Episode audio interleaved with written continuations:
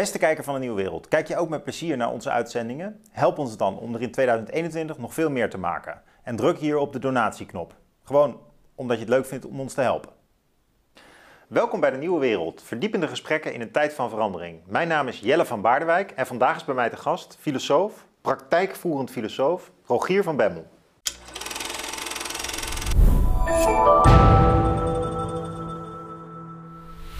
Rogier, leuk dat je er bent. Normaal gesproken spreek jij volgens mij alleen mensen één op één, waarbij niemand meekijkt. Want jij bent een soort therapeut, annex filosoof, ligt een beetje in het midden. En ik ben heel blij dat jij hier nu bent om meer in de openbaarheid wat te vertellen over, uh, ja, over, over het menselijk leven. Je bent een filosoof die echt bezig is met uh, grote thema's. Wanneer is iemand gelukkig? Wat gebeurt er als je burn-out bent? Wat is de zin van het bestaan? Grote, heftige vragen. Doe maar. Ik schuw er zelf wel eens voor weg. Um, vertel eens, jij bent filosoof uh, en toch ook een soort psycholoog. Hoe, hoe pak jij dat aan dan? Um, ja, ik vind wat je, wat je zegt, praktijkvoerend filosoof, dat is eigenlijk de beste manier denk ik om het uh, te zeggen. Ik noem het ook wel als filosofisch consulent. Um, en niet therapeut of psycholoog, omdat je dan, dan eigenlijk te dicht tegen het, uh, de geestelijke gezondheidszorg gaat aanzitten. En als filosoof is het denk ik belangrijk om die om die scheidslijn helder te houden. Hm. Dus um, en dat zie je eigenlijk het helderste aan, aan het soort mensen dat bij je komt. Hè. Als mensen echt ziek zijn, een geestelijke stoornis hebben of bijvoorbeeld een depressie of zo, hm. hè, die kunnen, kunnen terecht bij de psycholoog. Ja. Daar hebben we, hebben we best een, een, goed, goed systeem voor opgetuigd. Ja. De mensen die daar uh, die wel ergens mee zitten, met een vraag, met een probleem, en die eigenlijk niks bij de psycholoog te zoeken hebben omdat ze niet ziek zijn, dan die kunnen bij de, ja, bij de praktijkvoerend filosoof langskomen. En dan zijn het inderdaad, het lijkt natuurlijk een beetje op een therapeutische setting, gewoon één op één. Ja, dan voer je tien gesprekken of zo met ze? Ja, vaak ook meer. Nou ja. Dus dat is ja. uh, tussen, de, tussen de tien en soms wel, uh, soms wel veertig gesprekken. Ja. Dus dat, uh... nou, laten we meteen nu, het coronatijd, er staat weer een lockdown voor de deur. Wat zijn dan type zorgen waar mensen mee komen als ze, bij jou, als ze jou bezoeken als, als filosofisch consulent? En het grappige met die corona is natuurlijk dat die. Um, je zou kunnen zeggen, alles is anders en alles is hetzelfde. Hè? Dus de, de klachten die zijn. Ik bedoel, iemand die. die um, uh, dus laat ik een paar voorbeelden noemen. Op werk. Um, uh, zit ik op de goede plek? Uh, ik ben zo gespannen. Of ik heb het idee dat ik mijn talenten niet, niet ja. volop benut. In relaties zit ik wel in een goede relatie. in het, meer in het algemeen, en dan kom je meer op die filosofische thema's. Dan krijg ik wel contact met mensen. Oh ja. Doe ik wel wat ik wil doen. Ja. Ik zit gewoon niet lekker in mijn vel. Tot, tot aan nog vagere dingen als... Um, ja, ik voel het minder energie de laatste tijd. En um, ja, het leven loopt iets anders dan ik gedacht had. Dus eigenlijk vage vragen met een heel duidelijk gevoel daarachter. Hm. Heel duidelijk het gevoel, ik zit niet lekker in mijn vel. Ik weet niet precies waar het aan ligt. Maar ik weet wel, ik ben gezond, er is niks mis met me. Um, maar ik wil eigenlijk toch wel een keer gaan verkennen wat daar nou aan de hand is. Dat is eigenlijk het... Um, maar bijvoorbeeld. Ja. En dat is tijdens corona natuurlijk op een bepaalde manier wordt dat geïntensiveerd. Omdat mensen, ja, weet je, de, de, ik zat net al even te praten met de, uh, mensen van hier. Hè, van, poeh, nou gaan we weer die heftige lockdown in. Hè, of we zitten alweer in die, die verheftige lockdown. Ja, dat, dat doet natuurlijk iets met je gemoed. Ja. Uh, maar er zijn weinig mensen die zeggen, ja, nu is corona. En nu, uh, nu heb ik daar opeens een probleem mee. Het is meer zo dat corona problemen die er al waren aan het licht brengt of intensiveert. Ja, bijvoorbeeld als je je toch al een beetje eenzaam voelt dat het in coronatijd wel heel lastig wordt ja, om anderen nou, te ontmoeten. Ja. En het is ook lastig om daar een oplossing voor te vinden. Ja. Want het, dat, deels zit dat natuurlijk in je hoofd. Hè, van hoe pak ik dat aan? Contact maken of wat verwacht ik van contacten? Maar deels is het ook, als je daarover het nadenken bent, is het wel fijn als je vervolgens uh, een keer naar een verjaardag kunt en eens kunt kijken. Nou, kan ik nu proberen op een andere manier contact te maken met mensen? Of kan ik daar andere verwachtingen van hebben voordat ik uh, voordat ik de deur uitga. En die ja. coronatijd, ja, dat, dat bevriest gewoon. Hè? Dus die, uh, ja. Dus er is in die zin ook wel geestelijke onrust, omdat degene, de problemen die we al hebben, ja, zeker. Ja. Die, die, die, die lijken niet makkelijk oplosbaar te zijn. Laat ik eens zo'n probleem pakken, hè, voordat jij ook zeker nog even wat moet vertellen over hoe, hoe dat er nou uitziet, die setting, dat je in gesprek gaat met iemand. Mm -hmm. um, maar bijvoorbeeld zelf uh, kamp ik wel met het probleem dat ik soms te veel werk, of dat ik in ieder geval gevoelens van overspannenheid heb. Uh, nou ben ik niet burn-out of zo, maar ik merk wel dat heel veel mensen daarover klagen, tussen de 30 en de 40, van dat, het gevaar van burn-out. -hmm. is, is dat dan iets waar, waar ik voor bij jou kom? Van, uh, de, de angst om overwerkt te zijn of dat niet goed kunnen organiseren voor jezelf. Mhm. Is dat iets wat jij dan tegenkomt in je praktijk? Ja, burn-out, zeg maar de, de, er zijn burn-out-achtige klachten. Hè? Dus, dus eh, de, de aanloop naar een burn-out of, of de, eh, het, het traject nadat mensen al een burn-out hebben gehad en weer op de weg terug zijn en weer aan het werk zijn en denken van oh wacht even, die, ik voel toch dat diezelfde dynamiek die er ervoor was, dat die nu weer speelt. Echt het moment dat mensen bijvoorbeeld eh, echt een lichtflits zien en in elkaar storten op hun werk, hè, wat je toch vaak rond die burn-out problematiek wel, wel Ja. tegenkomt. Die, die mensen moeten gewoon naar de huisarts, hè, dus die hebben bij mij niet zoveel te zoeken. Op het moment dat je dat, je, dat, je dat gehad hebt en weer enigszins op je benen staat en dat stresssysteem in het lichaam, dat, dat functioneert weer enigszins. Ja. Je bent wat belastbaarder, je, je kunt ook weer mondjesmaat aan het werk. En je merkt dan, oké, ik wil eigenlijk wat vragen verkennen over het leven. Dan, dan zou je dat op, onder andere met, met hulp van een, van een filosoof kunnen doen. Ja. Belangrijk is denk ik hè, dat je... Ja, pel dat eens af. Want dan, oké, dus, dus eh, ste- stel, ik, eh, ik ga naar de huisarts met burn-out verschijnselen. Die zegt van, nou, je moet rust nemen. Eh, nou, ik klap niet helemaal aan elkaar, maar het lukt. Ik krabbel weer op en ik denk van, nou, ik, ik, ik kom hier ook niet helemaal uit. Ik ga weer aan het werk en goed. En dan bel ik jou. En dan, maar hoe, hoe pak je dat dan verder aan? Wat zit daar dan achter dan die, volgens jou, meer filosofisch gesproken, opgebrand zijn? Wat is dat nou eigenlijk? Ja, nou, het, het is een heel interessante vraag en ik denk dat die... Dat die, dat die kijk, een, een- wat een burn-out is... burn-out is natuurlijk hoe we- de burn-out definiëren. Hè? Eh, want het is niet, er is niet zoiets als dit is de burn-out... eh, omdat je dat labeltje erop plakt. Maar er zijn wel overeenkomsten tussen veel burn-outs. Hè? Dat noemen we dan de, de, de symptomen van de burn-out. En, eh, Wat zijn die symptomen eigenlijk? Nou ja, dat, dat, dat is eh, eh, gewoon algemene onrust, slapeloosheid, eh, vermoeidheid, ehm, Niet meer kunnen doen wat je wil doen? vergeetachtigheid, ja, gewoon heel lage energie. Ehm, eigenlijk dat, dat soort klachten. Dus, eh, Ja. maar goed, voordat we diagnostiek... Hè, want, ja, maar dat wil je juist niet. Nee, precies, want dat, dat is... Maar goed, maar dat zo'n soort beeld, Ja. is in ieder geval helder dat het met stress te maken heeft. Dus dat het stresssysteem dan overbelast raakt en dat die mensen daardoor op een gegeven moment eigenlijk geen energie meer hebben en eh, weinig meer kunnen opbrengen. En wat daarachter kan zitten, wel mensen die met burn-out-achtige klachten bij mij komen, dat daar, wat daarachter blijkt te zitten is heel divers. Ja, Hm. Dus, ehm, maar is- ja, ik kan misschien een voorbeeld uit, uit een beetje afpellen van... van Ja, nou, i- inderdaad. Eh. dat is misschien de beste manier om te filosoferen hierover. Want Ja. Vanuit Ja, een wel- concrete casus. zeg maar om de, ehm, ja, om een soort, zeg maar alle, alle soorten beelden die je dan ziet en daar vervolgens weer conclusies aan te verbinden. Dus misschien, eh, misschien iets meer ruimte nodig dan, eh, dan dit gesprek. Maar één voorbeeld is bijvoorbeeld wat je best wel veel ziet. En dat wil dus niet zeggen dat iedereen die burn-out-achtige klachten heeft zo, zo in elkaar zit. Ja. Maar het is een beetje het beeld van de perfectionist. Hè? Dus de, de, de beeld van, het beeld van iemand die eigenlijk probeert eh, om alles helemaal netjes te doen volgens een bepaalde voorstelling van nou, hoe dat dan zou moeten. Hè, dus zo iemand, ehm, laten we dat een beetje neerzetten, dus iemand die, ehm, die is heel erg bezig om iets op een manier te doen zoals ze bedacht hadden dat het zou moeten gebeuren. Die zijn ook heel erg bezig om anderen dat op die manier te laten doen. Hm. En op het moment dat iemand anders het doet, is het altijd net niet goed. Ehm, ehm, ja, ja. ja, dus, eh, zeg maar, het, het, het beeld van. eh, Niet het- kunnen voldoen aan je eigen criterium eigenlijk. Nou ja, uiteindelijk is dat natuurlijk. Kijk, iemand die, iemand die daar wel aan kan voldoen. En dus die niet met al die, al die geestelijke spanningen zit. naar aanleiding van het behalen van zo'n, van zo'n perfectie of zo'n ideaal. Dat is iemand die meer kijkt naar. Oké, wat komt hier nou uit voort? Je kunt een heel perfectionistische vioolbouwer hebben. die wel heel erg gefocust ook nog is op, op de details. maar ook op wat eruit komt, de klank. En die daarin een, een soort fijne dynamiek vindt. Ja. Het gaat mis op het moment dat je wel heel erg op de details focust en heel erg op kijkt wat gaat er niet goed en wat, wat moet ik nog verbeteren en dat heel goed analyseren, maar niet meer oog houden voor het geheel, eh, zeg maar de, het, het doel of de, de, de context waarin jouw handelingen plaatsvinden. En dan krijg je eigenlijk dat die, dat die handelingen en de, die zoektocht naar perfectie op zichzelf betrokken raakt en niet meer op iets wat, eh, wat door die handelingen bereikt kan worden. Ja, ja. Dus dan ben, dan ben je gewoon een soort ratje dat alleen maar blijft rondrennen Ja. en blijft doorwerken. Ja, een beetje doorslippende wielen heb ik altijd het idee. Van er gebeurt heel veel, er wordt heel hard gewerkt op een Ja. bepaalde manier, maar er komt eigenlijk niet zoveel veel uit hun vingers. Ook een beetje dat syndroom van ja, ik ben ontzettend druk. En waarmee? Ja, nou, dit moet nog en dit moet nog en dit moet nog. Maar het is nooit, ik ben druk omdat ik dit af wil krijgen. Ik ben druk omdat ik dit ideaal nog wil verwezenlijken.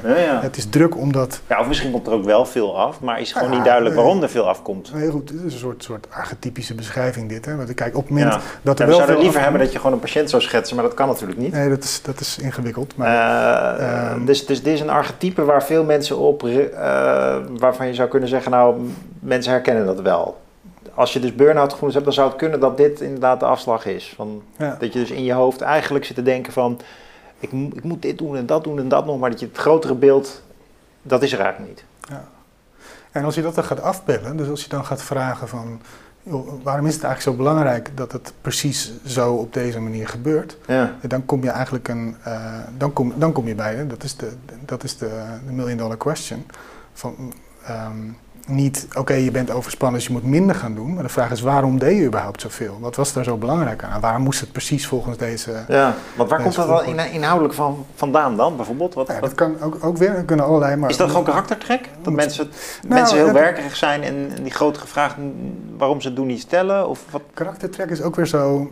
Het, ik zou zeggen, het is deels een karaktertrek en het is deels ook een, een bepaald mechanisme om uh, om je prettig te voelen, uh, dat, dat eigenlijk doordraait en, en, en, en, een beetje van de rails raakt. Dus in dit geval, is waar voel je je prettig bij?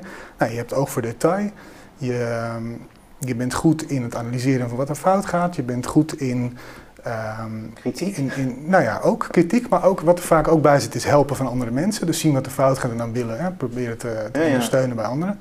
Ehm, stel je bent daar goed in, maar je komt op een gegeven moment op, in een spoor terecht waarin daar eigenlijk niet zo heel veel meer uitkomt. Wat gaat in, in dit geval wat er dan misgaat, is dat, er dus, dat die wielen gaan doordraaien. Ja, ja, ja. wat, wat zit daarachter? Dat is toch vaak een, um, een beeld van ergens, ik ben niet goed genoeg. Hè? Ik moet om, uh, om er te mogen zijn voldoen aan een bepaald ideaal. En dat ideaal heeft niemand ze verteld. Hè? Dat hebben ze zelf ergens natuurlijk opgebouwd. Dat is ook het frustrerende vaak voor collega's. Van ja, maar Weet je, waarom moet dit nou zo of zo? Waarom moet het nou zo perfect?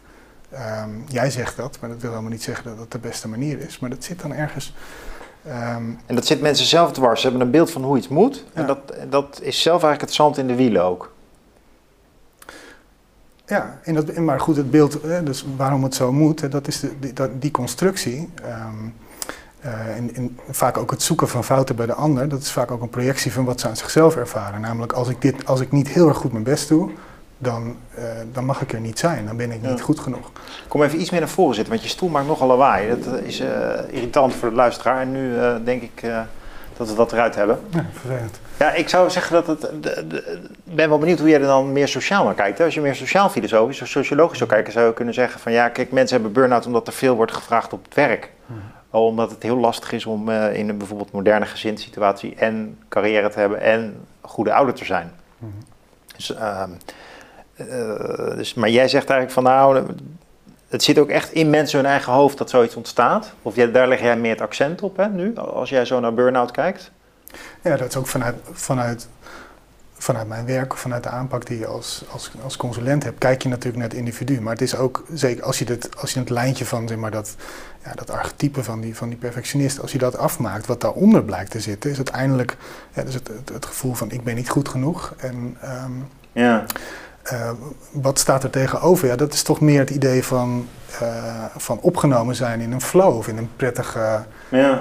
Um, uh, in een prettig samen zijn met, met anderen. En, ja. daar, en daar komt natuurlijk die maatschappelijke. Die maatschappelijke ja, dat is wel interessant wat je zegt. Dus komt ook meer naar voren. Die, die, nou ja, ja, je zou kunnen zeggen gewoon bijvoorbeeld die behoefte van mensen om steeds beter te zijn en ook uh, veel te werken, die is zelf ook al maatschappelijk. Hè? Dus die, die, dat ideaalbeeld is ook geïnternaliseerd van buiten op een bepaalde manier. Dus er zit ook echt een maatschappelijke kant aan. Maar wat jij nu zegt vind ik ook wel interessant. Ik denk wat er maatschappelijk aan is, is dat er in onze maatschappij heel veel contexten zijn waarin je met je... Dus ik gaf net het voorbeeld van die vioolbouwer. Eh, die heeft een heel duidelijke context, namelijk, namelijk de... de um, nee, gewoon het maken van muziek en Ja. de, de cultuur daaromheen, Ja, waar, waarin, die, ja, waarin die veelbouwer opgenomen is. Dus die, die, die werkt al samen met de muzikant, die werkt al samen met de andere mensen die in de muziekindustrie zitten. En op en het die jij, ambachtelijkheid is natuurlijk weg. nou ja, Je hebt nog de- veel die- bouwers, maar de meeste mensen zitten in beroepen eh, waar je eigenlijk vrij vage dingen doet. Nou ja, precies. En, dat is, en op het moment dat je gaat proberen om. Dus op het moment dat je sowieso al heel erg gefocust bent op wat doe ik fout, hoe kan het beter, Ja. eh, hoe kan dit perfect, heel erg op het microniveau zit. Wat Ja. die mensen nodig hebben is een werkcontext waarin ze enerzijds een, ehm, een heel duidelijk doel hebben, dat groter is dan zijzelf en waarmee ze zich ook kunnen identificeren.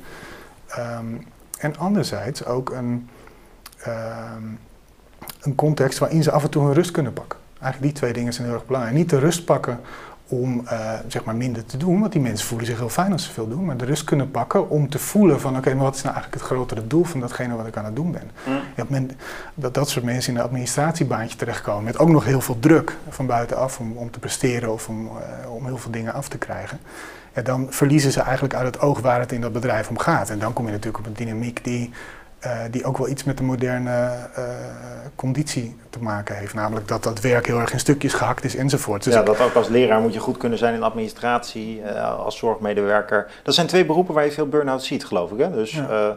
in de zorg en in het onderwijs. En daar is wel dat probleem dat je veel activiteiten moet ontplooien die niet direct aan de kern raken, maar er meer als een soort schil omheen zitten. Ja, en, en waarom die twee beroepsgroepen ook bijzonder eh, bevattelijk zijn voor burn-out, heeft er ook mee te maken dat zij direct patiënt dan wel leerlingcontact hebben. Dus op het moment dat jij in een context zit waarin je ook het idee hebt van het gaat niet helemaal goed, maar je kunt af en toe nog even een stapje terug doen en, eh, en nadenken en misschien voorstellen doen van jongens, zullen we het niet zo of zo doen? Ja, iemand die gewoon aan dat bed moet staan of iemand die de volgende dag weer voor de klas moet, die heeft veel minder tijd om, om even terug te stappen en te zeggen, ja, wat motiveert mij nou in dit werk? Of welke grote hoe kan ik nou mijn vaardigheden en mijn vermogen om, want dat is hè, de positieve kant van, eh, van, van zeg maar dit archetype waar we het nu over hebben, deze, deze archetypische Ja, perfectionist. deze standaardcasus. Ja, precies. Die, ehm, Ja, eh, zeg maar, het voordeel daarvan is dat ze bereid zijn om enorm hard te werken en enorm ook aan zichzelf te werken. Op het moment dat jij alweer voor die klas moet en je hebt eigenlijk het idee dat er in het onderwijs ook heel veel Ja. dingen niet goed gaan, maar dan, dan komt er een soort extra druk op. hey, voordat we nu de hele tijd over burn-outs gaan hebben en over Ja. wat jij dan een archetype noemt, maar even samenvattend. Dus, het- Mm. dus wat jij in ieder geval tegenkomt is dat mensen die, dat, die kampen met die overspanning, dat dat eigenlijk de typjes zijn die wat perfectionistisch aangelegd zijn. Het lastig niet, maar dat kan. Hè. Dus er zijn ook types die juist heel erg bezig zijn Ja. met de intenties van anderen en wat anderen van ze vinden. Nou, die, die het schetste zijn, je net in ieder geval even. Dan gaan we nu over naar die andere casus. Van, Mhm. je hebt ook mensen die... Want eh, wat zijn nou andere dingen die jij tegenkomt? Jij hebt me wel eens gezegd van nou... Het valt me op hoeveel mensen eigenlijk nog tot op hoge leeftijd be- bezig zijn met de, met de beelden in hun hoofd van wat hun ouders van ze verwachten. Hmm. Eh, en ik kan me voorstellen dat je daar ook burn-out van raakt, maar ik kan me ook voorstellen dat je daar juist helemaal burn-in van raakt. Hmm. Ehm, eh, wat, wat, wat valt daarover te zeggen? Over wat, wat jij denkt dat, dat mensen bezighoudt? Dat, is, dat, is dat een gefrustreerde relatie bij veel mensen? Hoe ze zijn opgevoed? Wat ze, is het zo dat veel mensen nog rondlopen met die bagage van ja, een soort ontevredenheid over een opvoeding? Of valt dat wel mee? Ja, het is, mo- het is moeilijk om daar zo in abstracto iets over te zeggen. De- Nou, maak het maar concreet. Nou ja. Ja, je kunt naar een soort algemene cultuuranalyse toe van wat is de rol van, van eh, hoe is de Nee, verhouding tussen de nee, ik wil generaties. niet naar cultuuranalyse. Juist, ben benieuwd wat, wat, wat jij juist naar boven haalt in mensen hun psyche. Wat, eh, Ja, maar dat is echt, dat is echt eh, dus het, het, wat, wat wel vaak voorkomt, eh, dat is misschien ook wel waar je op doelt, is dat op het moment dat je met mensen gaat praten en je, en je vraagt, en, je- want dat is eigenlijk wat je als, als filosofisch consulent eh, doet, of wat ik in ieder geval doe, is dat je niet gaat kijken van oké, zo zit iemand in elkaar. Eh, dan moeten we behandelen zodat hij weer dit of dat. Maar eigenlijk wat je doet is, ehm, want dat zou dan zeg maar de psychologische of de gezondheidszorgachtige aanpak zijn. Dan heb je ook een aanpak van een coachachtige aanpak van oké, dit is het doel en hoe gaan we jou daar naartoe krijgen. Dus hoe zit het met je skills, hoe zit het met je targets, hoe zit het met je doelen. nou ja. En ehm, Dat is wel een mooie duiding. Je zegt eigenlijk van de coach is veel praktischer en op succes gericht. Vaak. ja, De therapeut is veel medischer en heeft de echte heftige dingen. Ja, en de filosoof die zoekt gewoon, ehm, ja, ik noem het zelfbewustzijn. Dus ik probeer mensen meer over zichzelf te weten te laten komen. Dus jij komt met een vraag van oh, mijn werk gaat niet lekker of eh, ik zit in mijn relatie niet lekker. Oh ja. En ik begrijp eigenlijk niet waarom. En wat we vaak doen als we een probleem tegenkomen, dat is ook heel menselijk, zoek je een oplossing. Oh, nou, uh, mijn werk niet helemaal goed. Oh, nou, dan, dan, heb ik een oplossing nodig. Ja. Dus moet ik ander werk of moet dit. Maar heb je dan eigenlijk het probleem zelf wel begrepen? En dat lijkt dan van, pff, nou, dan komt weer zo'n filosoof die het probleem wil analyseren. Dat is saai. Maar op het moment dat je daarin duikt, Ja, dan kom je eigenlijk van alles tegen wat je niet wist over jezelf. Dus ja nou, daarom is duik er eens in. Ik ben wel benieuwd. Nou ja, zeg maar gewoon de open vraag. En dat is voor iedereen anders. Maar de open vraag van wat, wat zit je nou eigenlijk dwars? Vaak hebben mensen een gevoel van mij zit iets dwars, maar ze weten niet precies wat. En ze weten ook niet wat ze eraan kunnen doen. Ja, ja. En die dimensie van ouders, of die dimensie van eh, het beeld dat ouders van ze hebben, ja, dat komt natuurlijk. eh, Die, die ouders zitten altijd wel ergens, eh, ergens in de ruimte, zweven die. Nou, ik vraag het ook een beetje wat psychotherapeuten, die zijn natuurlijk vaak op zoek naar de jeugd en hoe je Ja, heel specifiek. bepaalde de houding in het leven aangemeten hebt gekregen in je opvoeding.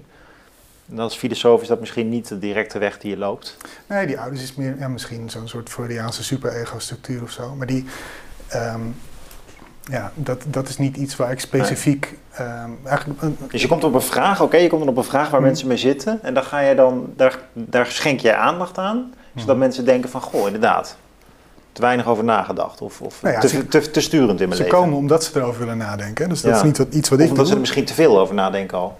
Ehm, nou ja, soms piekeren ze. Maar dat, dat is niet een te veel aan nadenken, dat is ineffectief nadenken. Ja, ja. Dus met dat je steeds in dezelfde gedachtencirkel zit, wat heel veel mensen doen. ja heb ik ook. En dat is ook logisch. Want kijk, net zoals die perfectionist net, dat, komt dan, dat, eh, dat is dan een voorbeeld. Maar wat daar in ieder geval gebeurt, is dat je dus een bepaalde manier, een bepaalde benadering van het leven of problemen hebt, die op een bepaalde manier doorschiet.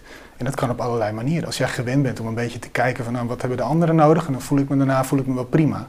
Eh, maar je bent alleen nog maar bezig met wat die anderen denken. En je Ja. denkt, dan, waar gaat je oplossing dan naartoe? Ja. Die oplossing gaat er naartoe, oh, maar ik moet nog, be- ik begrijp kennelijk niet wat men nodig heeft. Want ik krijg geen contact met andere mensen. Ja, ja. Terwijl als je dan gaat doorvragen en dan blijkt inderdaad, dan blijkt inderdaad dat niet helemaal duidelijk is waarom nou die ander zo belangrijk is en, en jijzelf misschien niet.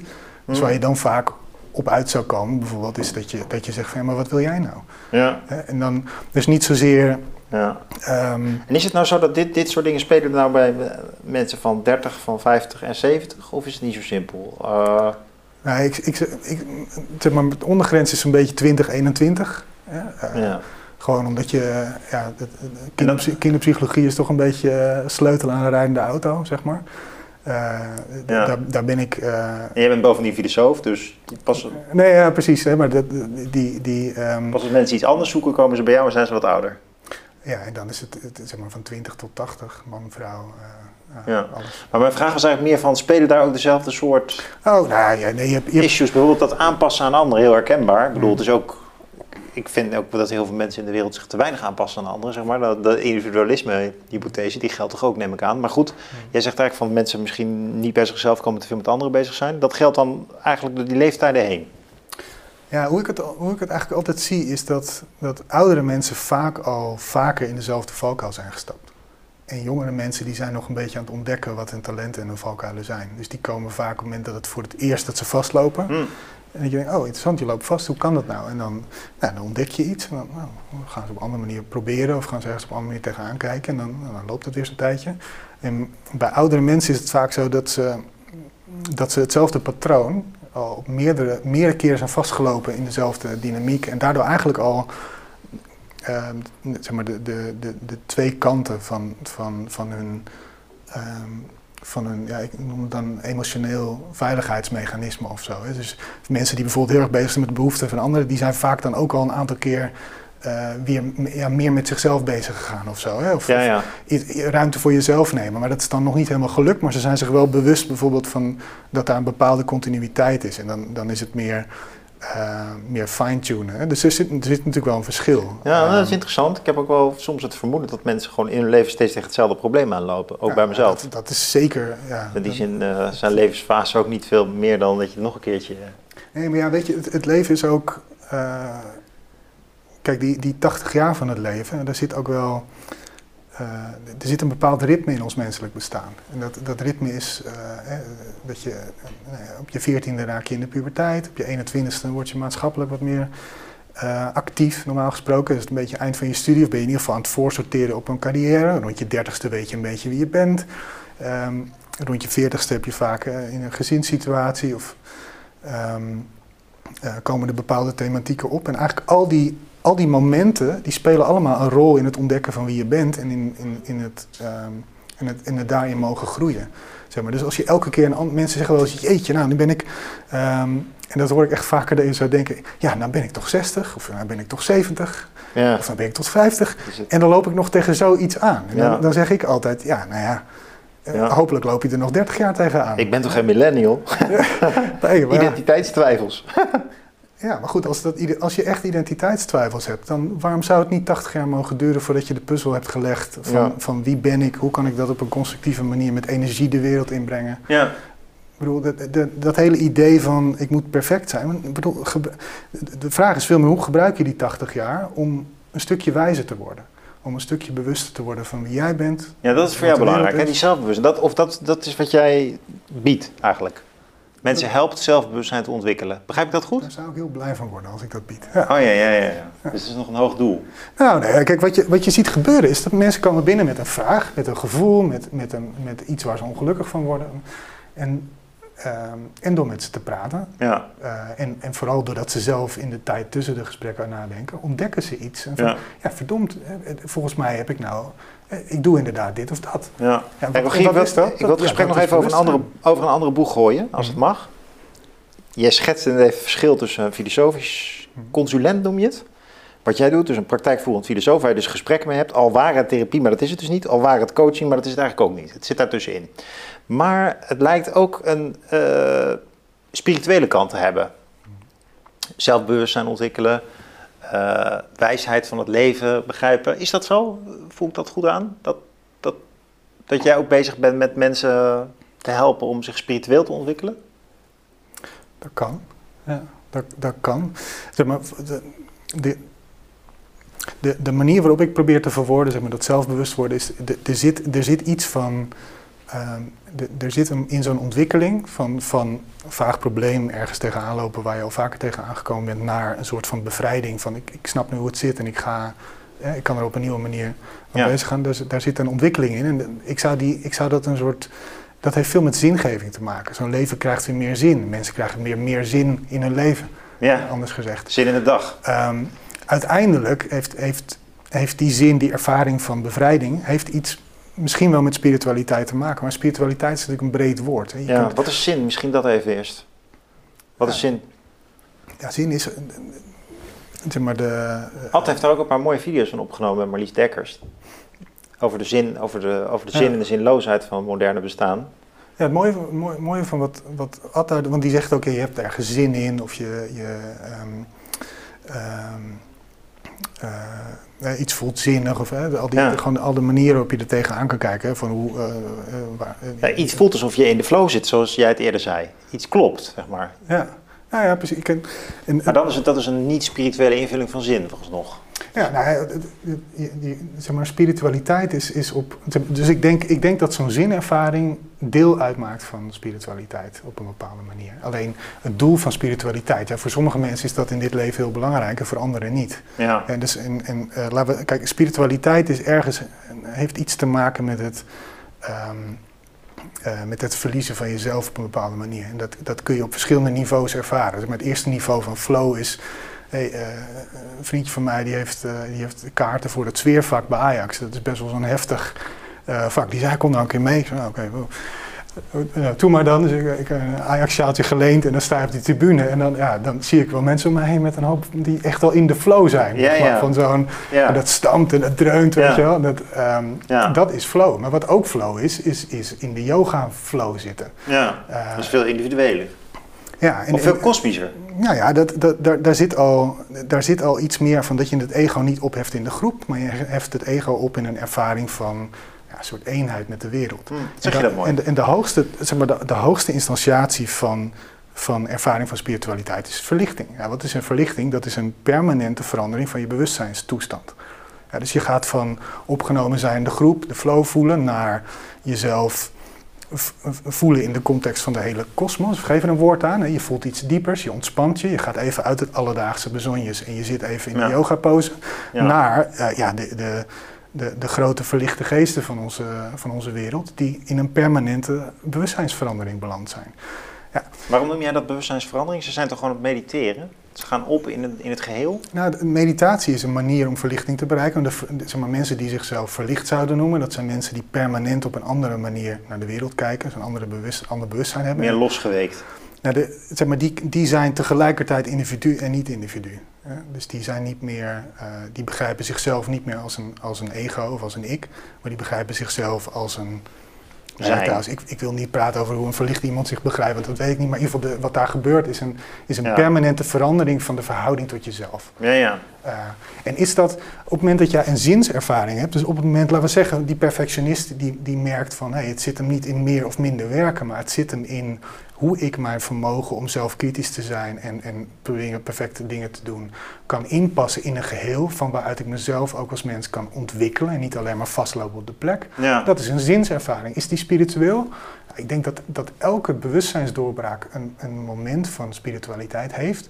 Maar spiritualiteit is niet altijd het doel. Sterker nog, op het moment dat iemand al een beetje last heeft van, laten we zeggen, zelfverlies. Iemand die het moeite- moeilijk vindt voor zichzelf op te komen. Iemand die het moeilijk vindt zijn plek in de wereld te vinden. ja. Dan kan ik tegen diegene wel zeggen, nou, weet je, wat jij nodig hebt is een bewustzijnsverandering. Ga jij even lekker mediteren. Ja. Word één met alle. Ja, die mensen hebben al het probleem dat ze eigenlijk geen stabiel ego hebben. En dus dan, dan zou ik, met dat soort mensen zou ik waarschijnlijk eerder, eh, of beter geformuleerd, hopelijk zouden die mensen ondersteund door mij eerder op een pad terechtkomen. Hè, waarbij ze zich gaan realiseren, hé, maar ik mag wel iets meer ruimte innemen. Hé, misschien moet ik mijn leven actief vorm gaan geven. ja, Dus ik moet een structuur vinden, ik moet een regelmaat, ik moet wat meer discipline misschien opbrengen. Dus op het moment, de, en, en dan is voor hen is misschien dat, dat geaard zijn in een, in een dagstructuur, geaard zijn in een vaste baan met vaste verplichtingen. Voor hen is dat misschien veel spiritueler dan vanuit een ervaring van waar ben ik en een beetje dromerigheid meer gaan mediteren en zich Ja. nog verder terugtrekken. Ja, ja, het gaat veel meer op je plek komen, dus daar gaat het eigenlijk om. Je probeert mensen hun plek weer te geven. Ja, dat is dan, is de vraag, wat doe ik en wat is spiritualiteit? Maar wat ik probeer is inderdaad, die, ik denk dat op het moment dat je een zinervaring hebt, of dat Mm. je een zelfbewustwordingservaring hebt, Hm. dat die altijd, het lijkt een beetje op wat Jung zegt. Die zegt op het moment, Carl Gustav Jung. Carl Gustav, ja, zeg maar, wat, wat hij zegt is dat individuation heeft hij het over, dus het individu worden, maar dat is tegelijkertijd ook God vinden. Hè. Dus in onze westerse wereld Ja, is er eigenlijk niet zo heel veel verschil tussen, tussen je helemaal bewust worden van wie jij bent, ten diepste, en het realiseren van, nou ja, God, hè, dus het is niet zo, God is daar en ik zweef wolk er naartoe. Eh, Het is veel meer inderdaad, als jij heel dromerig bent, dan kan God ook wel liggen in een dagritme of in een in, eh, zinvol werk. Werk dat in een maatschappelijke context, waarin je dus bijdraagt aan een geheel van mensen die zich prettig hè, in hun vel voelen, Hm. waarin jij eh, vanuit alle bescheidenheid kunt helpen om iets. eh, en dat kan voor zo'n perfectionist kan dat een ideale ervaring van, Ja, ja, ja. eh, van zin zijn. Hè? Maar dat kan ook heel spiritueel worden, maar dat hoeft niet. Er zijn natuurlijk zat mensen die. Nee, want bijvoorbeeld, want we hebben het nu, we komen steeds terug op inderdaad die perfectionist, maar bijvoorbeeld iemand die heel gevoelig is, Mhm. dus, dus hypersensitief, ja, hoe, kun je dat eens in, in, in deze sleutel zetten? nou ja, die, die, die, die, bespeelt eerder, die bespeelt eerder dat register van het zelfverlies of van het te, te doorlatend zijn van het zelf. Ja, ja, ja, ja. En bijvoorbeeld iemand die een beetje meer depri is, nou ja, gewoon te neergeslagen natuur, zeg maar. Mhm. Je begrijpt Ja. wat ik bedoel, niet misschien een depressief iemand, maar Ja, daar vind ik het dan weer eng worden, want als iemand depressief is, dat is dan. Hè, ehm, dat is geen levenswijsheid meer, maar dan, Ja, kijk, de- in echt een depressie is natuurlijk. eh, ja, Het is een maatschappelijk fenomeen, maar in de oplossing is dat natuurlijk. ehm, medisch, ja, dat, zeg maar, daar, daar wil ik mijn vingers niet, niet te zeer aan branden. Ook omdat daar, Ja. daar zijn mensen die daar. Maar goed, stel, er komt, Maar de- zo, maar er komt depressie iemand die een beetje te neergeslagen is. Ja. Hoe zou je dat dan, hoe zou je dat interpreteren dan? Nou ja, de, vraag is waarom? Waarom is dat zo? Waarom verliest die geen energie? hè? Depressie Ja. is ook eh, verliezen van, van inspiratie, van energie, van, van het gevoel eh, iets, iets te zoeken te hebben in het leven. Ja, waar komt dat door? Ja, Maar die, die, die filoso- een filosofisch consulent bezoeken, dat is. ehm, zeg maar, er wordt best wel wat van je gevraagd dan. Hè, Want je gaat juist de, de, datgene wat je eng vindt of dat wat je niet begrijpt, daar duik je in. ja, Ja, als je al depressief bent en je realiseert je bijvoorbeeld, nou, ik heb het tot nu toe allemaal verkeerd gedaan of, of, of dit dat is niet goed aan mij, ja. dat helpt niet altijd. Nee, dus je moet mensen wel vertrouwen geven in.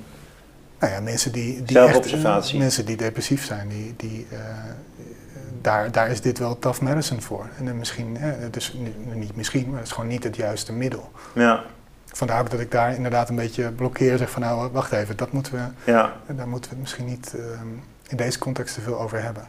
Goed, als je daarover twijfelt en je hebt geen heftige problematiek, maar je merkt gewoon van, nou, soms ben ik futloos. Ja. Eh, het heeft ook te maken met dat ik geen zin meer heb in hoe ik leef. Dan ben je natuurlijk nog niet depressief. Hè? Nee, Dan- precies. Ja, nee, dan zit je meer in van ik, wat je dan, dan merk je dat er iets niet helemaal, eh, ehm, dat er iets niet helemaal lekker zit. Eh, Dan zit je ergens mee. En, als je niet weet wat dat precies is en je bent bereid om dat aan te gaan, ja, dan zou je die methode van, van de open vraag, van wat, wat begrijp ik hier nou niet aan? Ja, want vaak, hè, dat, dat cirkeltje van die gedachte die elke keer weer rondgaat, maar waar eigenlijk niks uitkomt. Dat moet je op de een of andere manier doorbreken. En hoe je dat kan doen, is door bij die open vraag te blijven stilstaan. Dus niet te zeggen, ja, die vraag kan ik nu niet beantwoorden, maar te Nee. zeggen, oké, deze vraag kan ik nu niet beantwoorden. Oké, dat is een goede vraag kennelijk. Ja. Wacht even, heb ik, die goed, heb ik hem goed verwoord? Is dit, is dit de beste manier om deze vraag te stellen? Ja, kun je het nog één keer concreet maken? Wat, wat, wat dan bijvoorbeeld? Welke vraag dan bijvoorbeeld?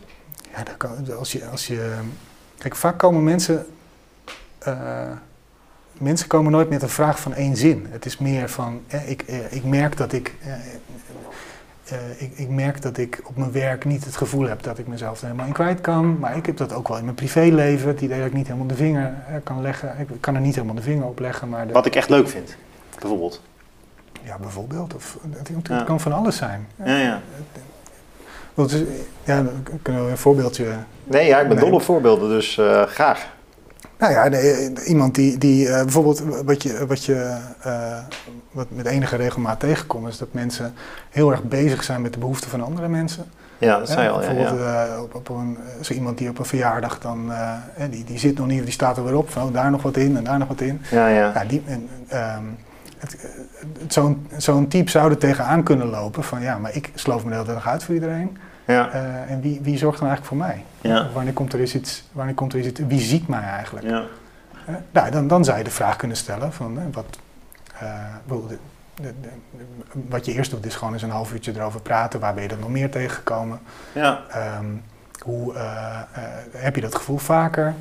Eh, denk er zelf, eh, denk er rustig over na. Dat is ook, dat is ook gewoon de- het mooie van het tijd voor elkaar nemen. Dat je tijd naar elkaar luistert. Ja, want zo iemand zit dan naast jou en die vertelt dat Ja, die- aan jou en jij gra- graaft door en graaft door. En Nee, ik luister gewoon vooral. Hè. je luistert vooral. Dus, dus kijk, als je, als je ja. Eh, ga, maar, ga maar zelf nadenken over een probleem waar je mee zit. Ga, ga maar eens op de bank zitten en zelf nadenken. ja, best lastig. Eh, doe dat eens anderhalf uur. Dat, dat doe je niet. Maar op het moment dat er iemand naast je zit die naar je luistert en af en toe eens een, eh, iets doorvraagt of, of zegt van nou, volgens mij het is een helder verhaal, maar hoe zit het hier of daar mee? Ja. Of, bedoel, dan ga je in één keer anderhalf uur nadenken over Ja. jezelf. Bedoel, als mensen dat thuis zouden kunnen, nou, fantastisch. Maar ja.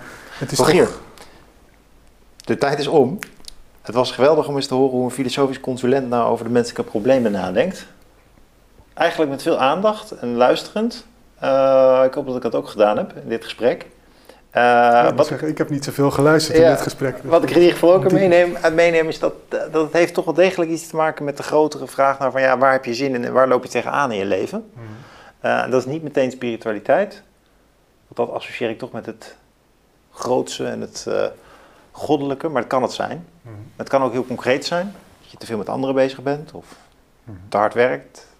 Juist niet de grote vraag gesteld en je mee laat slepen door de alledaagse dingen.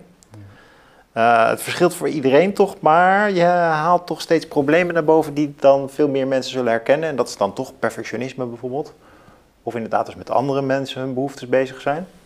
Dus er zijn ook wel generieke dingen over te zeggen wat, waar mensen zo mee zitten. Hè? Ja, nou ja, ze- ik bedoel, de mens is. eh, we zijn allemaal heel individueel. Maar de problemen waar we tegenaan lopen, die zijn, eh, die zijn, die zijn deels ook natuurlijk hetzelfde. Ja. En ik vergelijk wel eens met een. Je kunt zeggen, wanneer ben je dan. hè, Wanneer gebruik je dat te veel en wanneer te weinig? Je zou kunnen zeggen, een voetbaltrainer die nog nooit een mens heeft gezien.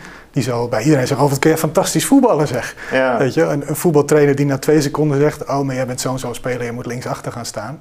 Het gaat erom dat je vanuit, vanuit een kennis van wat mensen zo'n beetje tegenkomen, vanuit een kennis van wat er, ehm, hoe mensen een beetje in elkaar zitten, dat je van daaruit naar het individu gaat kijken. ja. Dus dat is een getrainde blik en dat is, eh, Dat is wat een filosoof ook moet hebben. ja, zou kunnen hebben. Ja. Ja. Dank dat je hier was, Rogier. Ja, leuk om hier te zijn. Vond je dit ook een interessant gesprek? Abonneer je dan vooral op ons kanaal. Dan krijg je iedere keer als eerste nieuwe gesprekken. Bedankt voor het kijken en tot ziens.